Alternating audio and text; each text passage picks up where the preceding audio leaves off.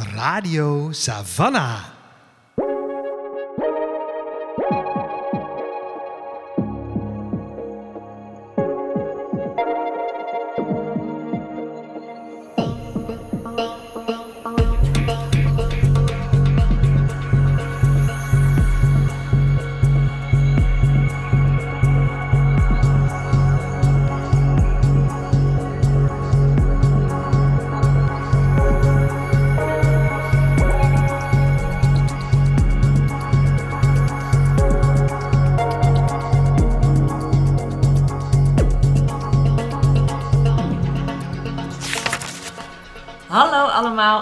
Welkom bij een nieuwe aflevering van Radio Savannah, de podcast van boekwinkel Savannah B. Ik ben Suzanne En ik ben Lola. en Savannah B is een onafhankelijke boekwinkel in het centrum van Utrecht. Wij zijn gespecialiseerd in feministische literatuur. Voor ons wil dat zoveel zeggen als literatuur op het snijvlak van gender, queerness, decolonisatie en het klimaat. En in elke aflevering van de podcast zetten wij een boek, persoon of verhaal in het zonnetje. Waarvan wij eh, vinden dat die plek in de spotlight verdient. En deze aflevering bespreken wij de roman Ooit waren er wolven van Charlotte McConaughey. Hmm. Eh, vorig jaar in 2022 in het Nederlands uitgekomen bij Prometheus, vertaald door Dennis Keesmaat. De, het boek is oorspronkelijk in het Engels verschenen en heette toen Once There Were Wolves. Oeh. Ja, nou, intrigerende titel Ja. inderdaad. Die wel een beetje de, de toon zet. Het mythische, de wolf, Ja. de natuur. Het verlangen, een soort van nostalgie naar een soort terugkeer naar de wolf. Naar de wilde natuur. Eh, ja, best een mooi Savannah B-boek waar wij heel veel verschillende lijntjes samenkomen. Ik denk met name de gender en het klimaat. Ja. Worden mooi met elkaar verweven. Absoluut. Dus, En een hele mooie voorkant. zeker. De, de uitgave is echt heel eh, mooi. Ik vind de Nederlandse mooier dan de Engelse. Ja, ik ook. Goed gedaan, Prometheus. Goed gedaan, Prometheus. Netjes. Genoeg mogen te kletsen. Let's do it. Radio Savannah. Misschien eh, voordat we erin eh, springen, eerst even een klein beetje context over Charlotte McConaughey. Oeh, ik had eigenlijk jou dit moeten laten zeggen. Ik vind het heel mooi. Heel mooi. Heel mooi. Zij is eh, geboren en getogen in Australië, woont in Sydney. Wat ik, als je dit boek hebt gelezen, is het heel logisch dat zij Australisch is. Maar ik kan me niet herinneren de laatste keer dat ik een boek van een Australische schrijver heb gelezen. Nee, deze Zit- ook. Niet op mijn radar. Nee. Het speelt zich ook niet af in Australië. Nee, is dat, helpt niet. Ja, nee, dat klopt. Ja. Ehm, maar Charlotte, die is hartstikke goed bezig. Eh, is ook eh scenario schrijver. En eh, in 2021 verscheen haar debuutroman Vlucht, Migrations. Eh, en dit is dus haar tweede roman, waar ze eigenlijk, nou, voor een schrijver die eh, van het andere, uit het andere deel van de wereld komt en pas een tweede boek uitbrengt, best wel veel aandacht mee krijgt. Ja, ja, zeker veel besproken wordt. Ja, Gelijk al een soort van eh following aan het ontwikkelen is. En ook heel duidelijk een soort lijn uitzet. Ja, met twee boeken is dat een beetje lastig te zeggen. Maar hele lange lijn. dit boek gaat door op de thema's die ze introduceert in, in Migrations over eh, klimaatverandering, hoe mensen daar wel of niet op reageren en een hoofdpersonage die vanuit een soort paniek probeert iets te behouden van de ecologische balans. Ja, ja en die de wereld voor, voor haar ogen ziet afbrokkelen. Ja. En eh, nou ja, daar op haar eigen manier eh, invloed op probeert uit te oefenen. Ja, inderdaad. Nou gaan we zo meteen het plot van dit boek induiken. Voordat we dat gaan doen, geven we even een paar waarschuwingen aan je. Want dit Mhm. is een eh, mooi, interessant en filosofisch boeiend boek. Mhm, Het is ook een behoorlijk gewelddadig boek. mhm. Ehm, dus hierbij je officiële trigger warnings, zowel voor het boek als voor deze aflevering. Ehm, we gaan het hebben over geweld tegen dieren, partnergeweld, seksueel geweld. En dat zit ook vrij grafisch allemaal in het boek. Ja, inderdaad. Dus weet dat. Voordat je eraan begint. Mhm. Ehm, en voel je 100% altijd vrij om lekker een andere aflevering te gaan luisteren. Zeker. We hebben er best veel Sowieso. inmiddels. Ja, luister lekker terug. Precies. Eens een jaar terug, kijken wat er toen gebeurde. Ja. Waar dit boek precies over gaat, is het volgende. We ontmoeten Inti Flynn, Mhm. een Australisch eh, eh, jonge meid. Lopen eigenlijk twee tijdlijnen door elkaar, eh, namelijk haar heden en haar verleden. We ontmoeten haar als kind, wanneer zij met haar beetje zonderlinge vader, die eigenlijk een heel zelfvoorzienend leven leidt in de, in de Canadese natuur, Mhm. eh, gaat zij op pad met haar tweelingzus Aggie. En eh, nou, zij groeit daarop, heeft een relatie met haar vader, een relatie met haar moeder, een relatie met haar zus. We leren haar kennen en we leren eigenlijk hoe zij terecht is gekomen op het punt Ja. waarop we haar in de roman ook ontmoeten. En dat is in Schotland, waar eh Inti vanuit haar werk eh, als taak heeft opgevat. Volgens mij komt het behoorlijk uit haarzelf om wolven te herintroduceren in de Schotse hooglanden. Mhm. Die zijn daar, eh, die leven daar niet meer. Dat was vroeger hun natuurlijke, natuurlijk leefgebied. Maar die zijn, nou ja, verdwenen, afgeschoten. Een combinatie van die dingen. Dus daar, daar wonen geen wolven meer. En haar, eh, zij is ervan overtuigd dat om de balans in de natuur daar te herstellen, die wolven terug moeten komen. Dus zij gaat op pad met 14 wilde wolven die ze daar gaat uitzetten. Ja, en het is wel, dat, het is deels een beetje haar, haar plan en haar missie, maar het is wel gewoon goedgekeurd door de overheid en er zit een organisatie achter. Ja, ze, ze heeft niet een, eh, een eigen privéjet met een paar random wolven. Je Nee. moet wel een heel een team en een systeem en een eh, Ja. wetenschappelijke onderbouwing. Ja. En niet een, ja, dat. ja nee, niet dat zij een soort van crazy person Nee. is die het... eh, Nee, ja. maar ze, ze, ze doorvoelt en doorleeft wel heel erg de noodzaak Ja, van zeker. dat dit moet gebeuren. Ja. Eh, en neemt je als lezer daar ook wel in, in mee. Mhm. Nou, zij komt daar aan in Schotland en die gemeenschap daar die denkt... ja, hartstikke leuk dat jij hier komt met je wolven... maar hier hebben wij helemaal geen zin in. Nee. Ehm, nou, dat, dat veroorzaakt spanning. Daar gaat het boek over. Ja. Dus je de, hè, die twee lijnen, haar jeugd en haar... eh, waarin ze ook gevormd wordt, Mhm. natuurlijk. Eh, in haar overtuigingen, maar ook hè, wat, wat een mens allemaal mee kan maken. Totdat ze, ja, ik denk ze zal midden dertig of zo Zoiets, denk ik. zoiets Ja. eh, zijn. Komt ze in Schotland terecht en daar, ja, dit is geen spoiler, maar escaleert de boel natuurlijk volledig. Ja. Eh, omdat zij met al haar goede bedoelingen en goede ideeën daar aankomt. En gewoon op veel weerstand stuit. Ja. En daarmee ook de, eh, de onderlinge spanningen tussen die gemeenschap extra prikkelt. Ja. Ja, zeker. Heb ik het daarmee goed samen? Hey, volgens mij heb je het supergoed Oké, samengevat. gelukkig. Ja. ja. Ja. Ja. Nee, want er is veel... eh, er gebeurt heel veel in het boek. Ja, dus het, is gaat lastig- echt in rap tempo. Ja, het is lastig om te zeggen van hier gaat het precies over, want er gebeurt heel veel en het gaat, het is allemaal belangrijk. Ja. Ja, en het haakt ook allemaal op elkaar in. Ja, klopt. Maar dit is inderdaad, dit is inderdaad eh, de belangrijke basis van het verhaal. Ja, en eh, wat natuurlijk eh, interessant is aan dit boek en waar het ook eh, grotendeels op, waar de recensies grotendeels op aanhaken, ehm, is dat het eco-fiction is, dus eco-literatuur. Ja. En dat is natuurlijk een, een, een genre of een bepaalde thematiek die steeds wat populairder wordt, waar meer vraag naar is, waar mensen ook gewoon behoefte aan hebben om te doordenken van wat is mijn relatie tot klimaatverandering, tot de natuur in het algemeen, tot mens zijn, dier zijn. Ehm, en ehm, heel vaak wel eh, wordt ecoliteratuur geschreven vanuit een vrij idealistisch perspectief. En meestal zijn de auteurs van die boeken daar ook heel expliciet over. Mm. En eh, Charlotte McConaughey is daar zelf ook vrij expliciet over. Die heeft er een bepaalde missie mee.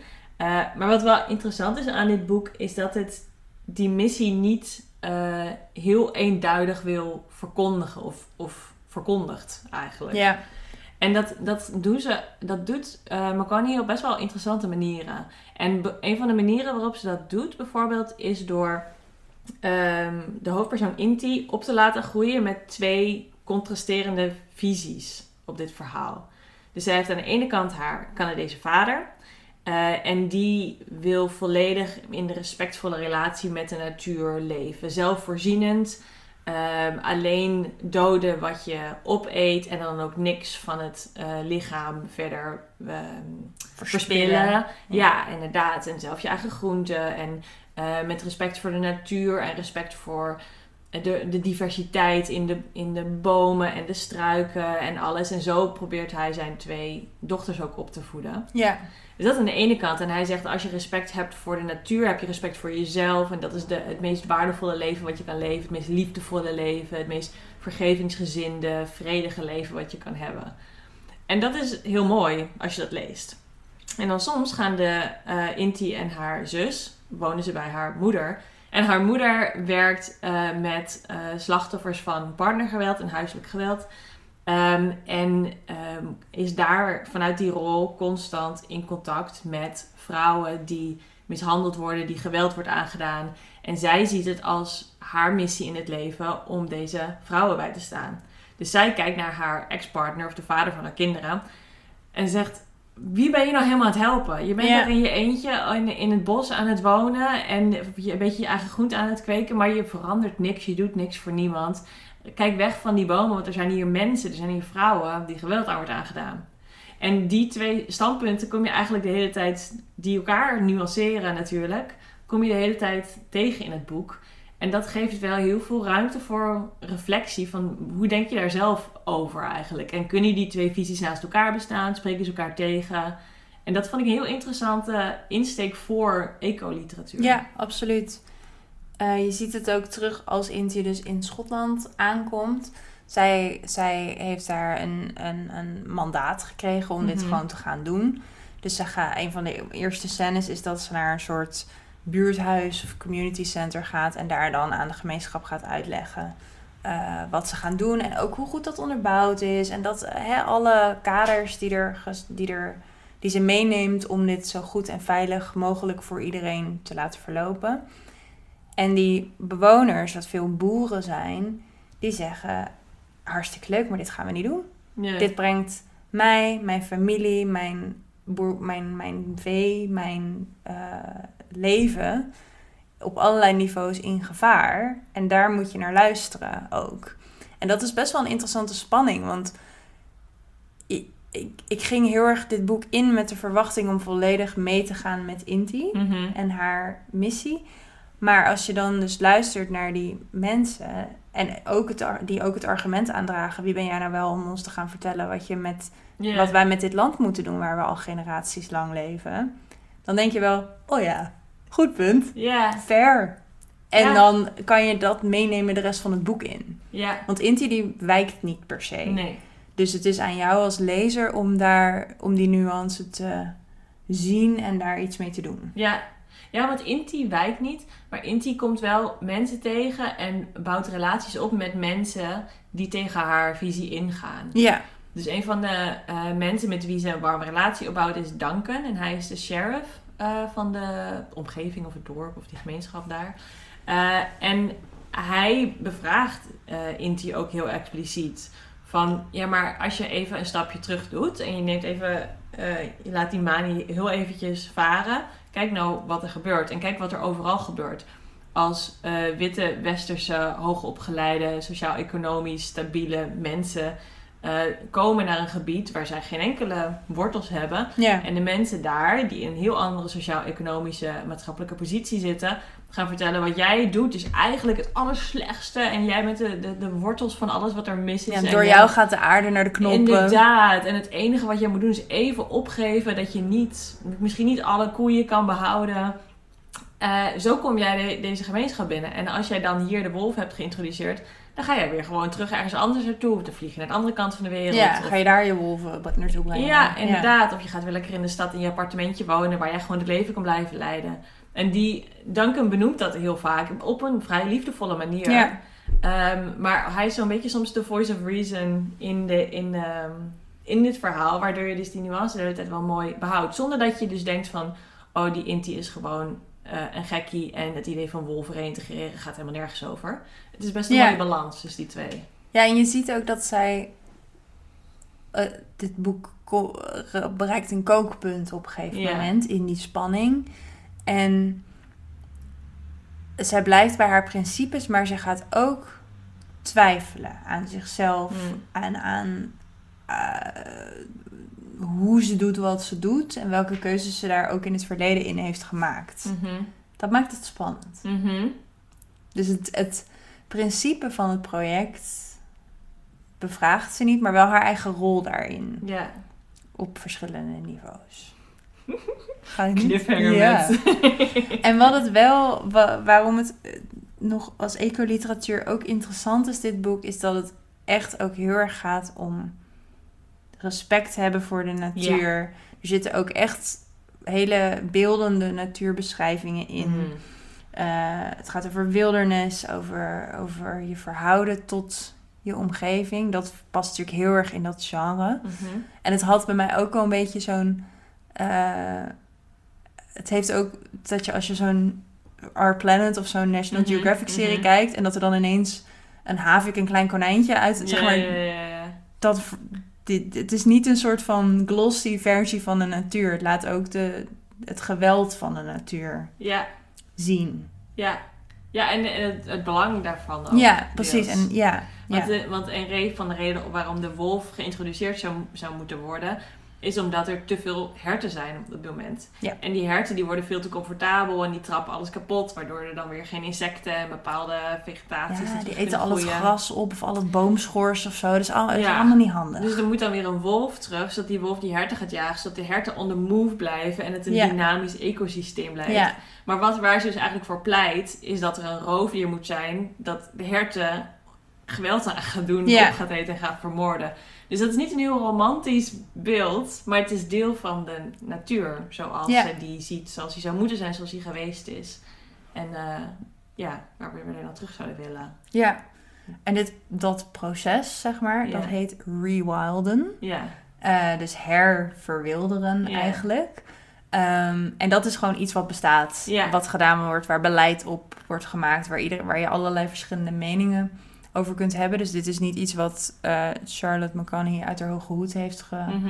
getoverd of in een soort van eh, semi-dystopische setting in, de, in de toekomst dit boek heeft geplaatst of zo. eh, om, om dit idee hiermee te experimenteren. Ehm, dus daar kan je allerlei dingen over lezen en allerlei nuances over opzoeken. Ook als je dit interessant vindt. Waarvan het boek, boek ze dus deels aanreikt, maar ook wel, denk ik, nog weer uitnodigt tot verder Ja. daarover nadenken. Van wat betekent dat nou? ja, En hoe, ja, het boek vraagt ook wel, hoe zou jij het vinden als je ineens een wolf in je achtertuin hebt lopen? ja. Terwijl je dat niet gewend bent. Ja, maar tegelijkertijd vraagt het ook van wat zouden we ervan kunnen leren als er weer een Ja. wolf door je achtertuin Ja. zou lopen. Hoe zou je anders omgaan met de natuur, met je omgeving, met je lichaam, met alles, als er een wolf door je achtertuin zou lopen? dus dat is heel interessant. Ja. Nou, en wat ik ook interessant vond, daar, daar hadden we het net even over, was een punt wat jij opdracht, Lola. Ehm, over dat idee van rewilden als een soort ideologisch concept. Ja, Er zit ook iets geks, nostalgisch en zelfs conservatiefs ja. in. ja want het, het, is, is... Die wolf heeft zichzelf niet uit laten sterven. Nee. Dat komt grotendeels door menselijk toedoen. Ja. De mens heeft... eh, eh, en dan met name witte westerse mannen hebben gedacht... wij kunnen die natuur temmen, die is van ons... en alles is ondergeschikt aan wat wij Mhm. eh, willen en denken nodig te hebben. Nou, dat heeft consequenties. En vervolgens zijn we dus nu allemaal heel druk bezig om die terug te draaien. Mhm. En een andere manier waar, waarop je er misschien over na zou kunnen denken is... oké, is, moeten we wel terug willen daarheen? Mhm. Kan je daar überhaupt naartoe terug? is Mhm. ook denk ik een vraag die je je af kan vragen. Mhm. Ehm, en dat roept dit boek wel allemaal op. Ja, ja, Van moet je dit willen? ja, klopt. Want we, het is een discussie die we zijn natuurlijk nu best wel veel aan het voeren zijn met de, de verkiezingen de afgelopen tijd en wat er politiek gebeurd is en de maatschappelijke discussies over polarisatie en de rol van boeren en de rol van klimaatactivisten eh, in dit hele verhaal. Mhm. En er wordt eh, natuurlijk best wel veel verwijten gemaakt. En veel daarvan gaan ook over conservatisme. En over kunnen we teruggaan, willen we teruggaan? Wie wil naar wat voor soort verleden Ja. teruggaan? Om, Ja. om, om welke reden? En dit is wel ook een, eh, ja, een visie erop waar ik niet zo bij, bij stil had gestaan. Nou, een van de middelen eigenlijk die dit boek gebruikt om jou als lezer ook empathie te laten voelen voor die natuur en voor die dieren specifiek, maar eigenlijk ook wel voor andere mensen tot op zekere hoogte, is eh, het feit dat Inti als eh, het personage Inti ehm, een eh, ja, neurologische aandoening of, Mhm. of eh, neurologisch, haar brein werkt op een specifieke manier en zij heeft iets dat heet, komt ie, spiegelaanrakingssynesthesie. Mhm.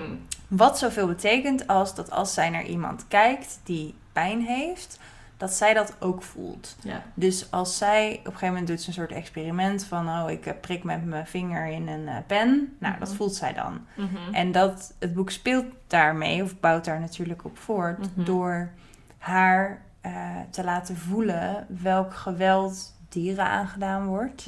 Dus ook bijvoorbeeld als haar vader, daar opent, dat is de openingsscène van het boek, haar vader vilt een dier. Mhm. eh, om hè, helemaal vanuit zijn filosofie respectvol op te eten en Mhm. daar helemaal, dat helemaal goed te doen. Maar er komt ook pijn bij kijken. Ja, als ze daarnaar kijkt. Als zij er naar kijkt. Ja. En zij voelt dat. Ja. Eh, dus zij, zij, zij overlijdt daar dan natuurlijk niet aan. Dat dier, dat dier wordt geslacht. Zij natuurlijk niet. Ja. Maar zij heeft wel fysieke pijn. In elk geval neurologische pijn. Ehm, en dat wordt ingezet in, door gedurende dit boek. En ook heel, ja, daar is het boek ook niet subtiel over of zo. Om jou als menselijke lezer te proberen te laten voelen hoe een wolf, in dit geval vooral, Mhm. door het leven beweegt. En wat die voelt en wanneer. Ja, en dat is wel een urgente soort strategie, juist bij eh ecoliteratuur. Een van de dingen waarom het zo lastig is om je eh, echt bezig te houden en te blijven houden met klimaatverandering, met ehm, verlies van biodiversiteit, met geweld op dieren, is omdat het toch altijd een soort ver van je bedshow voelt. Ja, Je moet best wel eh, wat mentale koprollen maken of acrobatiek uitoefenen voordat je tot het punt bent dat je denkt van oké, is het eigenlijk wel erg? Waarom is het erg? Moet je jezelf een soort van aanpraten vaak. En dit personage zit gewoon in een heel andere situatie, omdat het voor haar heel direct duidelijk is. Ja. Omdat zij ziet, eh, zij, zij voelt de pijn van eh, die dieren wordt aangedaan. Dus voor haar bestaat het probleem niet. En het is dus een uitnodiging eigenlijk om vanuit dat perspectief de, de wereld te beleven. Eh, en zo dus ook meer verbinding te voelen met niet-menselijke bewoners. Ja, en wat het wel goed deed, vond ik, dit was dat het, ondanks dat Inti als mens dit dan voelde, was het niet een soort van menselijk maken van zo'n dier of Nee. zo. Dat is helemaal niet de, de intentie en ook niet het effect wat het Nee. op mij had in elk Nee. geval. Dus het gaat er om een, een dier voelt iets. Mhm.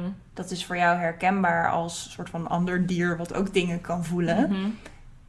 En dat is voldoende, zeg maar. Ja, En dat kan heel anders zijn dan.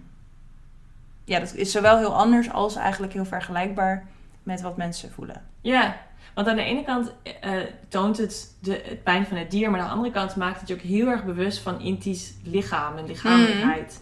En dat is natuurlijk op een heel bazaal niveau hoe mensen en dieren met elkaar verbonden zijn. Van we leven in een lichaam en dat lichaam is gewoon kwetsbaar voor Ja. geweld en honger en wat mensen elkaar allemaal aandoen. Eh, dus in die zin op een heel bazaal niveau werkt het al heel concreet. Ja. Wij eh, nemen even een kleine pauze van Ooit waren er wolven voor ons aller rubriekje, het boekenplankje. Het boekenplankje. wat we allemaal zo al gelezen hebben afgelopen tijd. Waar je ons nog niet over hebt horen kletsen. Omdat we er geen podcastaflevering over gemaakt hebben. Want dat gebeurt wel eens. Eh, maar waarvan we wel denken, nou dat willen we onder de aandacht brengen. Tippen voor eh, wie er dan ook eh, mogelijk geïnteresseerd in is. Mhm. Sus, Yes! wat breng, wat breng je mee? Wat zet je erop? Ehm, nou, we blijven eventjes eh, bij ons eh, eco-literatuur eh, thema. Ik dacht, nee, nog een mooi eco-fictieboek, maar wel even van een heel andere aard. Ik heb namelijk laatst gelezen en ik beveel warm aan. Vandaag houd ik mijn spreekbeurt over de anaconda van Bibi du Montac. Met tekeningen van Annemarie van Haringen. Dit is een kinderboek. Ehm, en maar eigenlijk voor jong en oud. Want het is Uiteraard. natuurlijk voor iedereen hartstikke leuk om te lezen, maar wel even een heel andere vibe dan eh Charlotte McConaughey. Ehm, het is een, een boek met spreekbeurten eh, over dieren, maar hilarisch genoeg door andere dieren. Oh. Dus het zijn eh, soort korte verhalen waarin je echt wel wat, wat leert over dieren. Maar het is bijvoorbeeld ehm, een heremietkreeft die een spreekbeurt houdt over een papegaai. Eh, de dieren houden een spreekbeurt over dieren waar ze een soort ver, verbindenis mee voelen, waar ze heel erg naar opkijken of die ze heel interessant vinden. En vaak omdat het een dier is waar ze zichzelf in herkennen. Uh, dus bijvoorbeeld, er is een spreekbeurt van zebra over alle dieren die alleen maar zwart-wit zijn. En dat zijn er volgens mij maar vijf of zes. Oh, echt? En de rest hebben... Ja, en houdt ook wel... Er zit ook een verhandeling in over welke dieren zijn afgevallen. Bijvoorbeeld de pinguïn, want die heeft dan weer roze voeten. Dus die telt niet mee. Maar bepaalde pinguïns dan weer wel.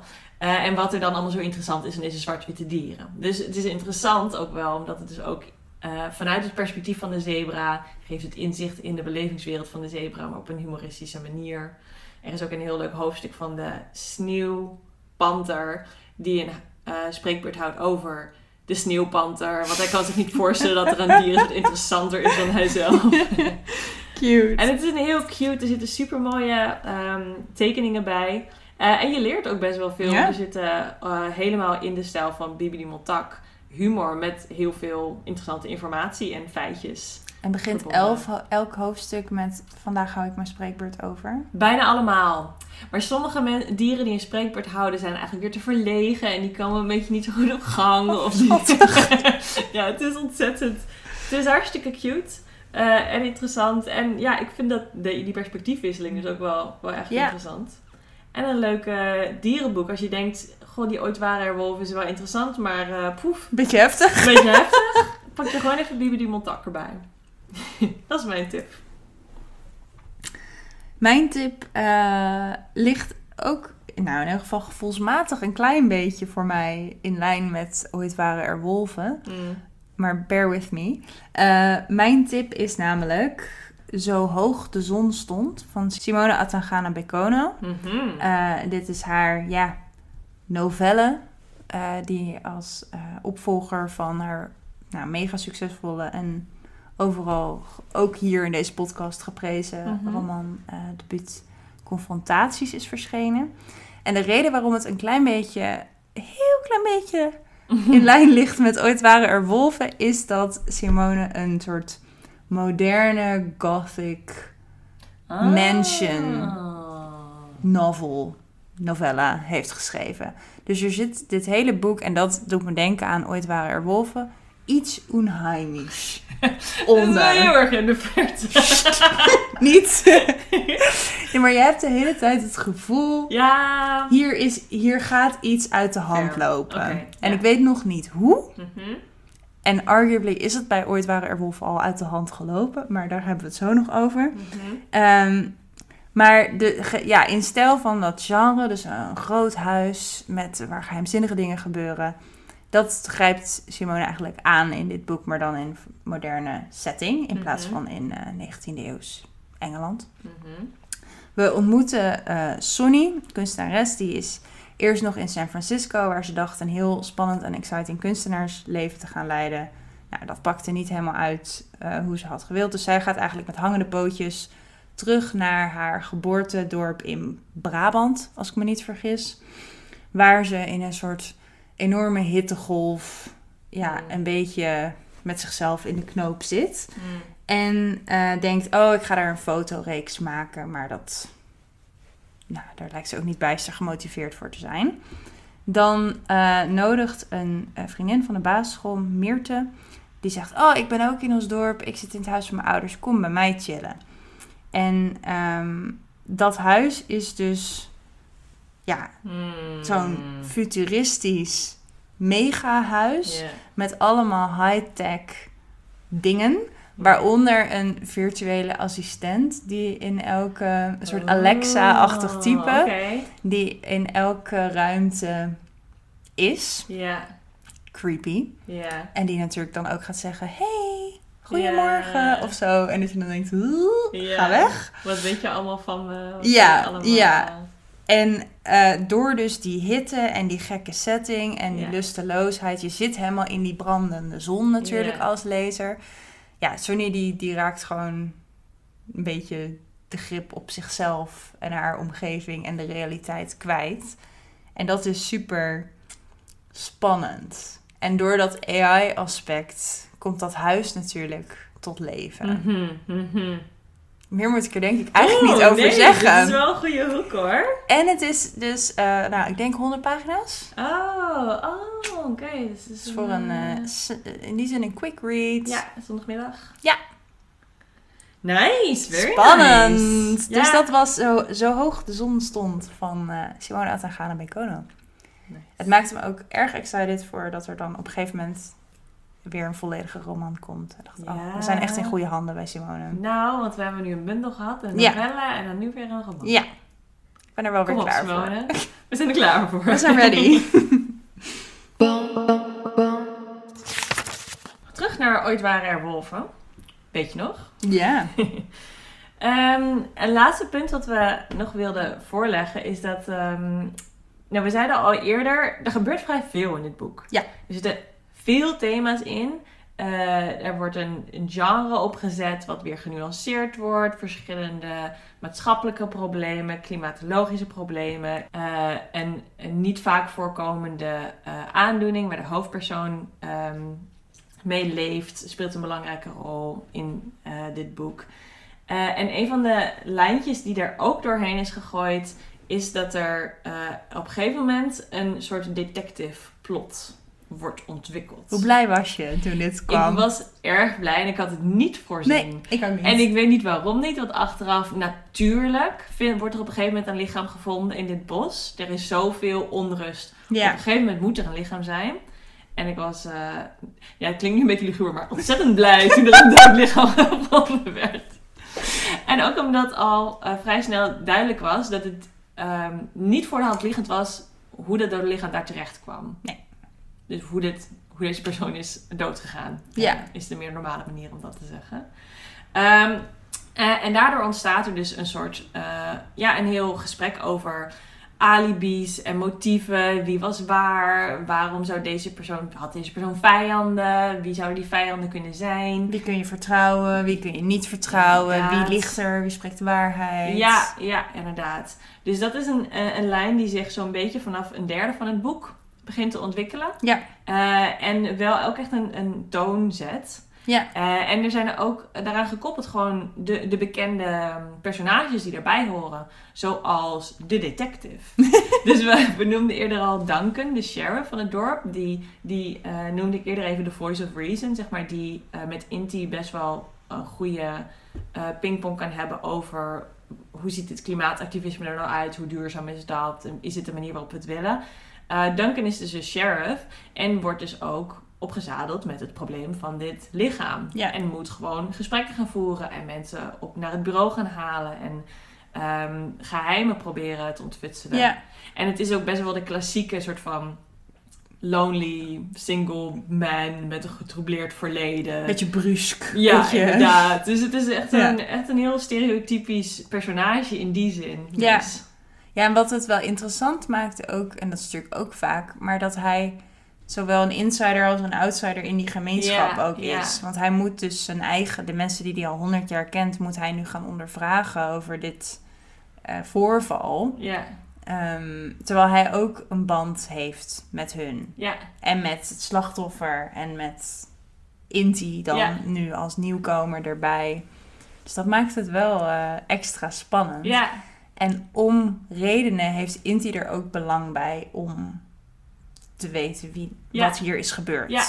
Dus zij is een soort van eh amateur-detective die, Ja. die ook meedenkt. ja, zeker. Eh, en voor zichzelf probeert de puzzelstukjes in beeld te brengen. En dan ook dus in de goede volgorde te leggen. ja. Werkte wel goed.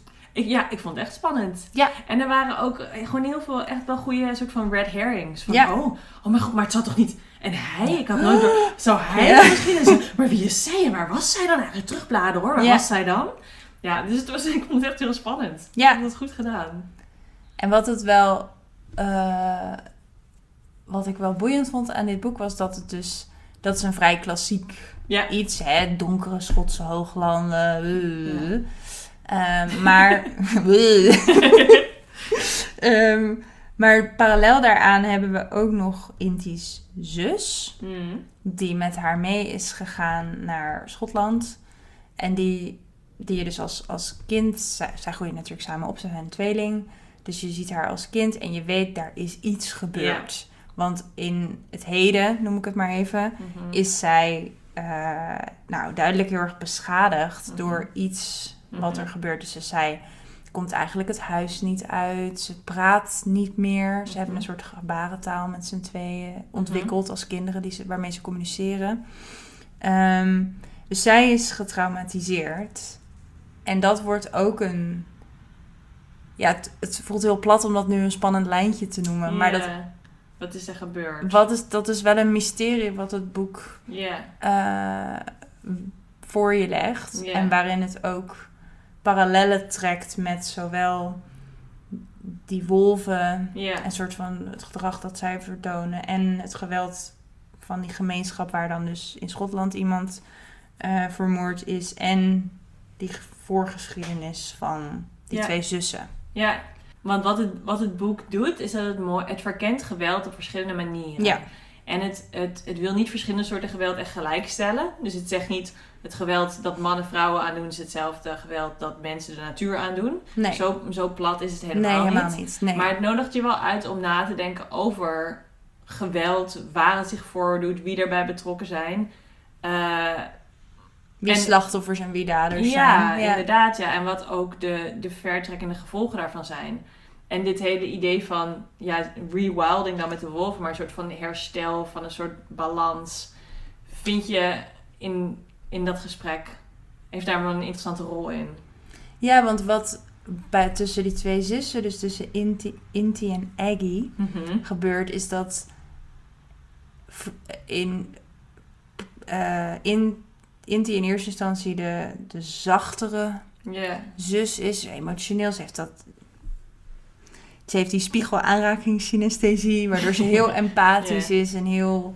En haar, haar zus is een stuk harder. ja maar ook Ehm, een beetje spicy en ja, eh, ja, en wat wilder ja. gewoon eigenlijk. durf, Ja, ja, die gaat veel meer out there. Ja.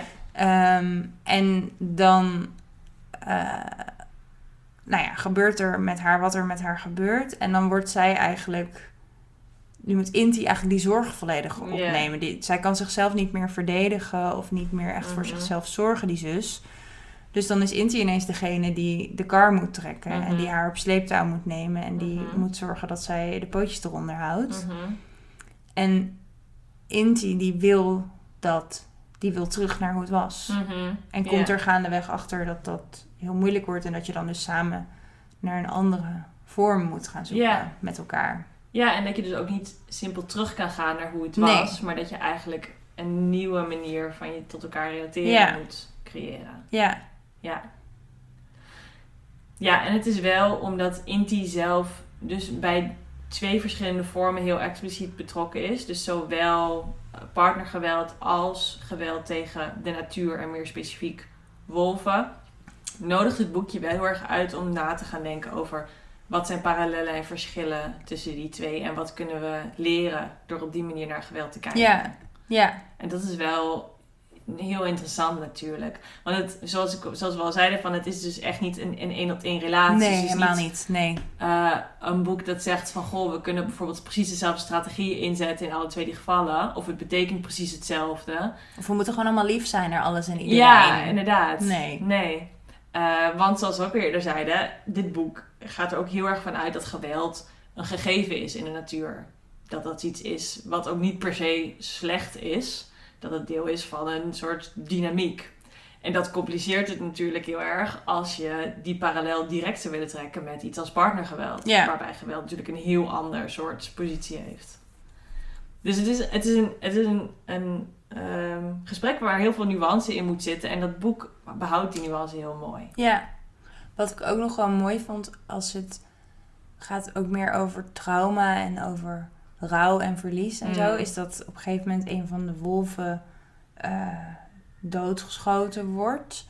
En die heeft dan een partner en die... Zo zielig. Ja, dat was echt heel zielig. Die par dat is dus een ding blijkbaar met wolven, dat ze één partner hebben hun leven lang. Ja, volgens mij alleen de alfa, het alfa-stelletje.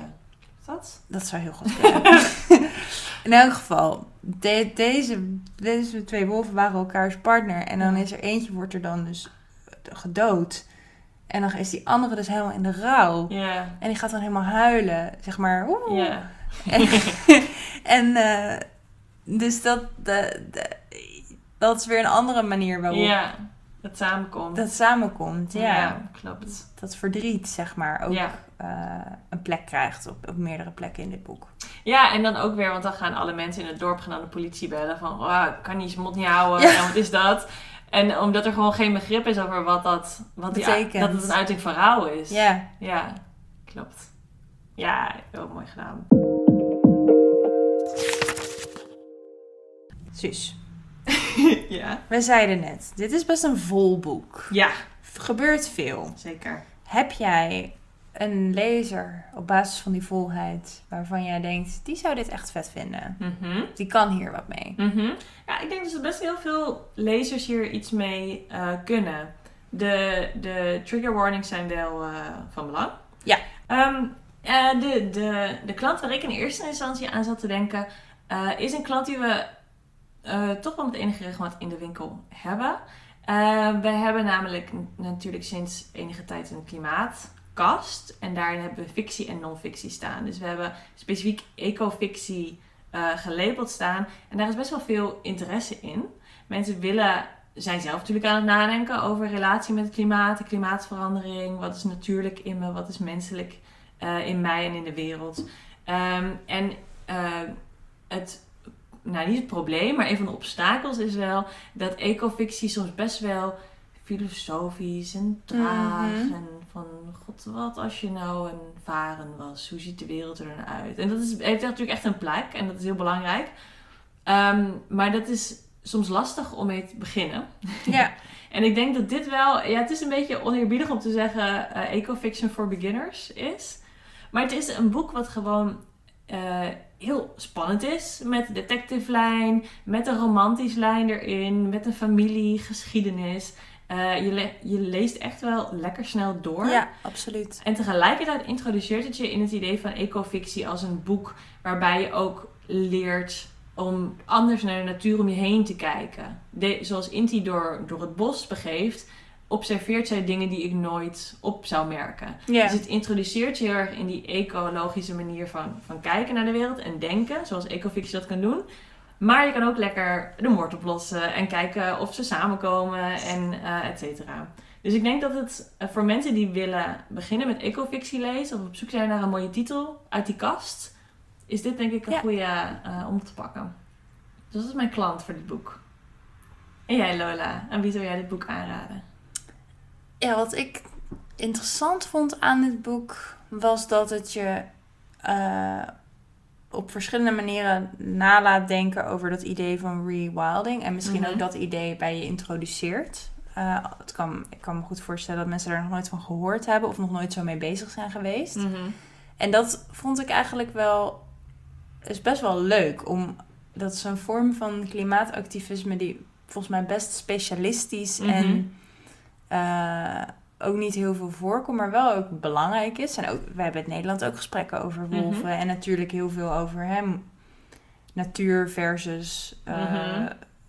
Agricultuur. agricultuur, precies. Ehm, dus ik vond dit en, en, en tegelijkertijd allerlei klimaatprotesten, Ja. eh, snelwegen die geblokkeerd worden en allemaal dat soort vormen. En dit is eigenlijk een, een, een andere vorm van activisme, of in elk geval heel erg betrokken Mhm, werk. mhm. Ik weet niet eens of, zij, of Inti zichzelf een, of een eh, activist zou noemen. Mhm. Maakt ook niet heel veel uit. Nee. Maar in elk geval wel echt zo met totale overtuiging voor het behoud van het klimaat en, het, en, en de natuur. Eh, op een manier die ja, gewoon even voor mij wel weer wel verfrissend was om, om daar eens even over na te denken. In plaats van over eh, vliegtuigen of Plastic recyclen. plastic recyclen of, me- of eh, met, je, met je prikstok eh, Ja. de straten opruimen of minder Ja. vlees eten of zo. Het is echt weer even een, hele, een heel ander Ja. register om in na te denken over onze relatie tot de natuur. En wat de mens doet voor de natuur in goede en in slechte zin. Ja. Ja.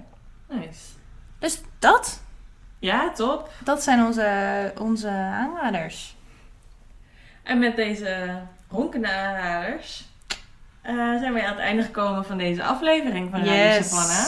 yes, yes, yes. Eh, wij vinden het altijd super leuk om te horen als jullie dit boek hebben gelezen. Maar ook bijvoorbeeld als jullie al lekker ecofictie aan het lezen zijn. Hoe jullie vinden dat dit boek in dat genre past of helemaal niet. Al je meningen. Wie je dacht dat het gedaan had. Ja, je Theorieën. speculaties. het meest shocking moment uit het Oh, boek. Ja, inderdaad. Eh, of je wel eens eerder gehoord hebt van aanrakings... Synesthesie? Spiegelaanraking, Spiegel synesthesie. Einde van de podcast, we hebben Ik hem. kom eruit. Horen we allemaal graag. Je vindt ons op alle socials, at boekwinkel Savannah B.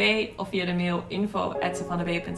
Of loop natuurlijk gewoon lekker een keertje langs bij de winkel. Lekker in de En klimaatkast eh, kijken. inderdaad. En kom tegen ons aan staan kletsen over wat je er allemaal vindt. Yes. Vinden we super leuk. Wij bedanken altijd. Al, eh, al onze afleveringen lang. Yes, yes. Gooflook soort makers van onze themesong. En Rick Blom voor het ontwerpen van ons logo. Wij bedanken jullie allemaal voor het luisteren. Mhm. En eh, tot een volgende. Bye. Bye.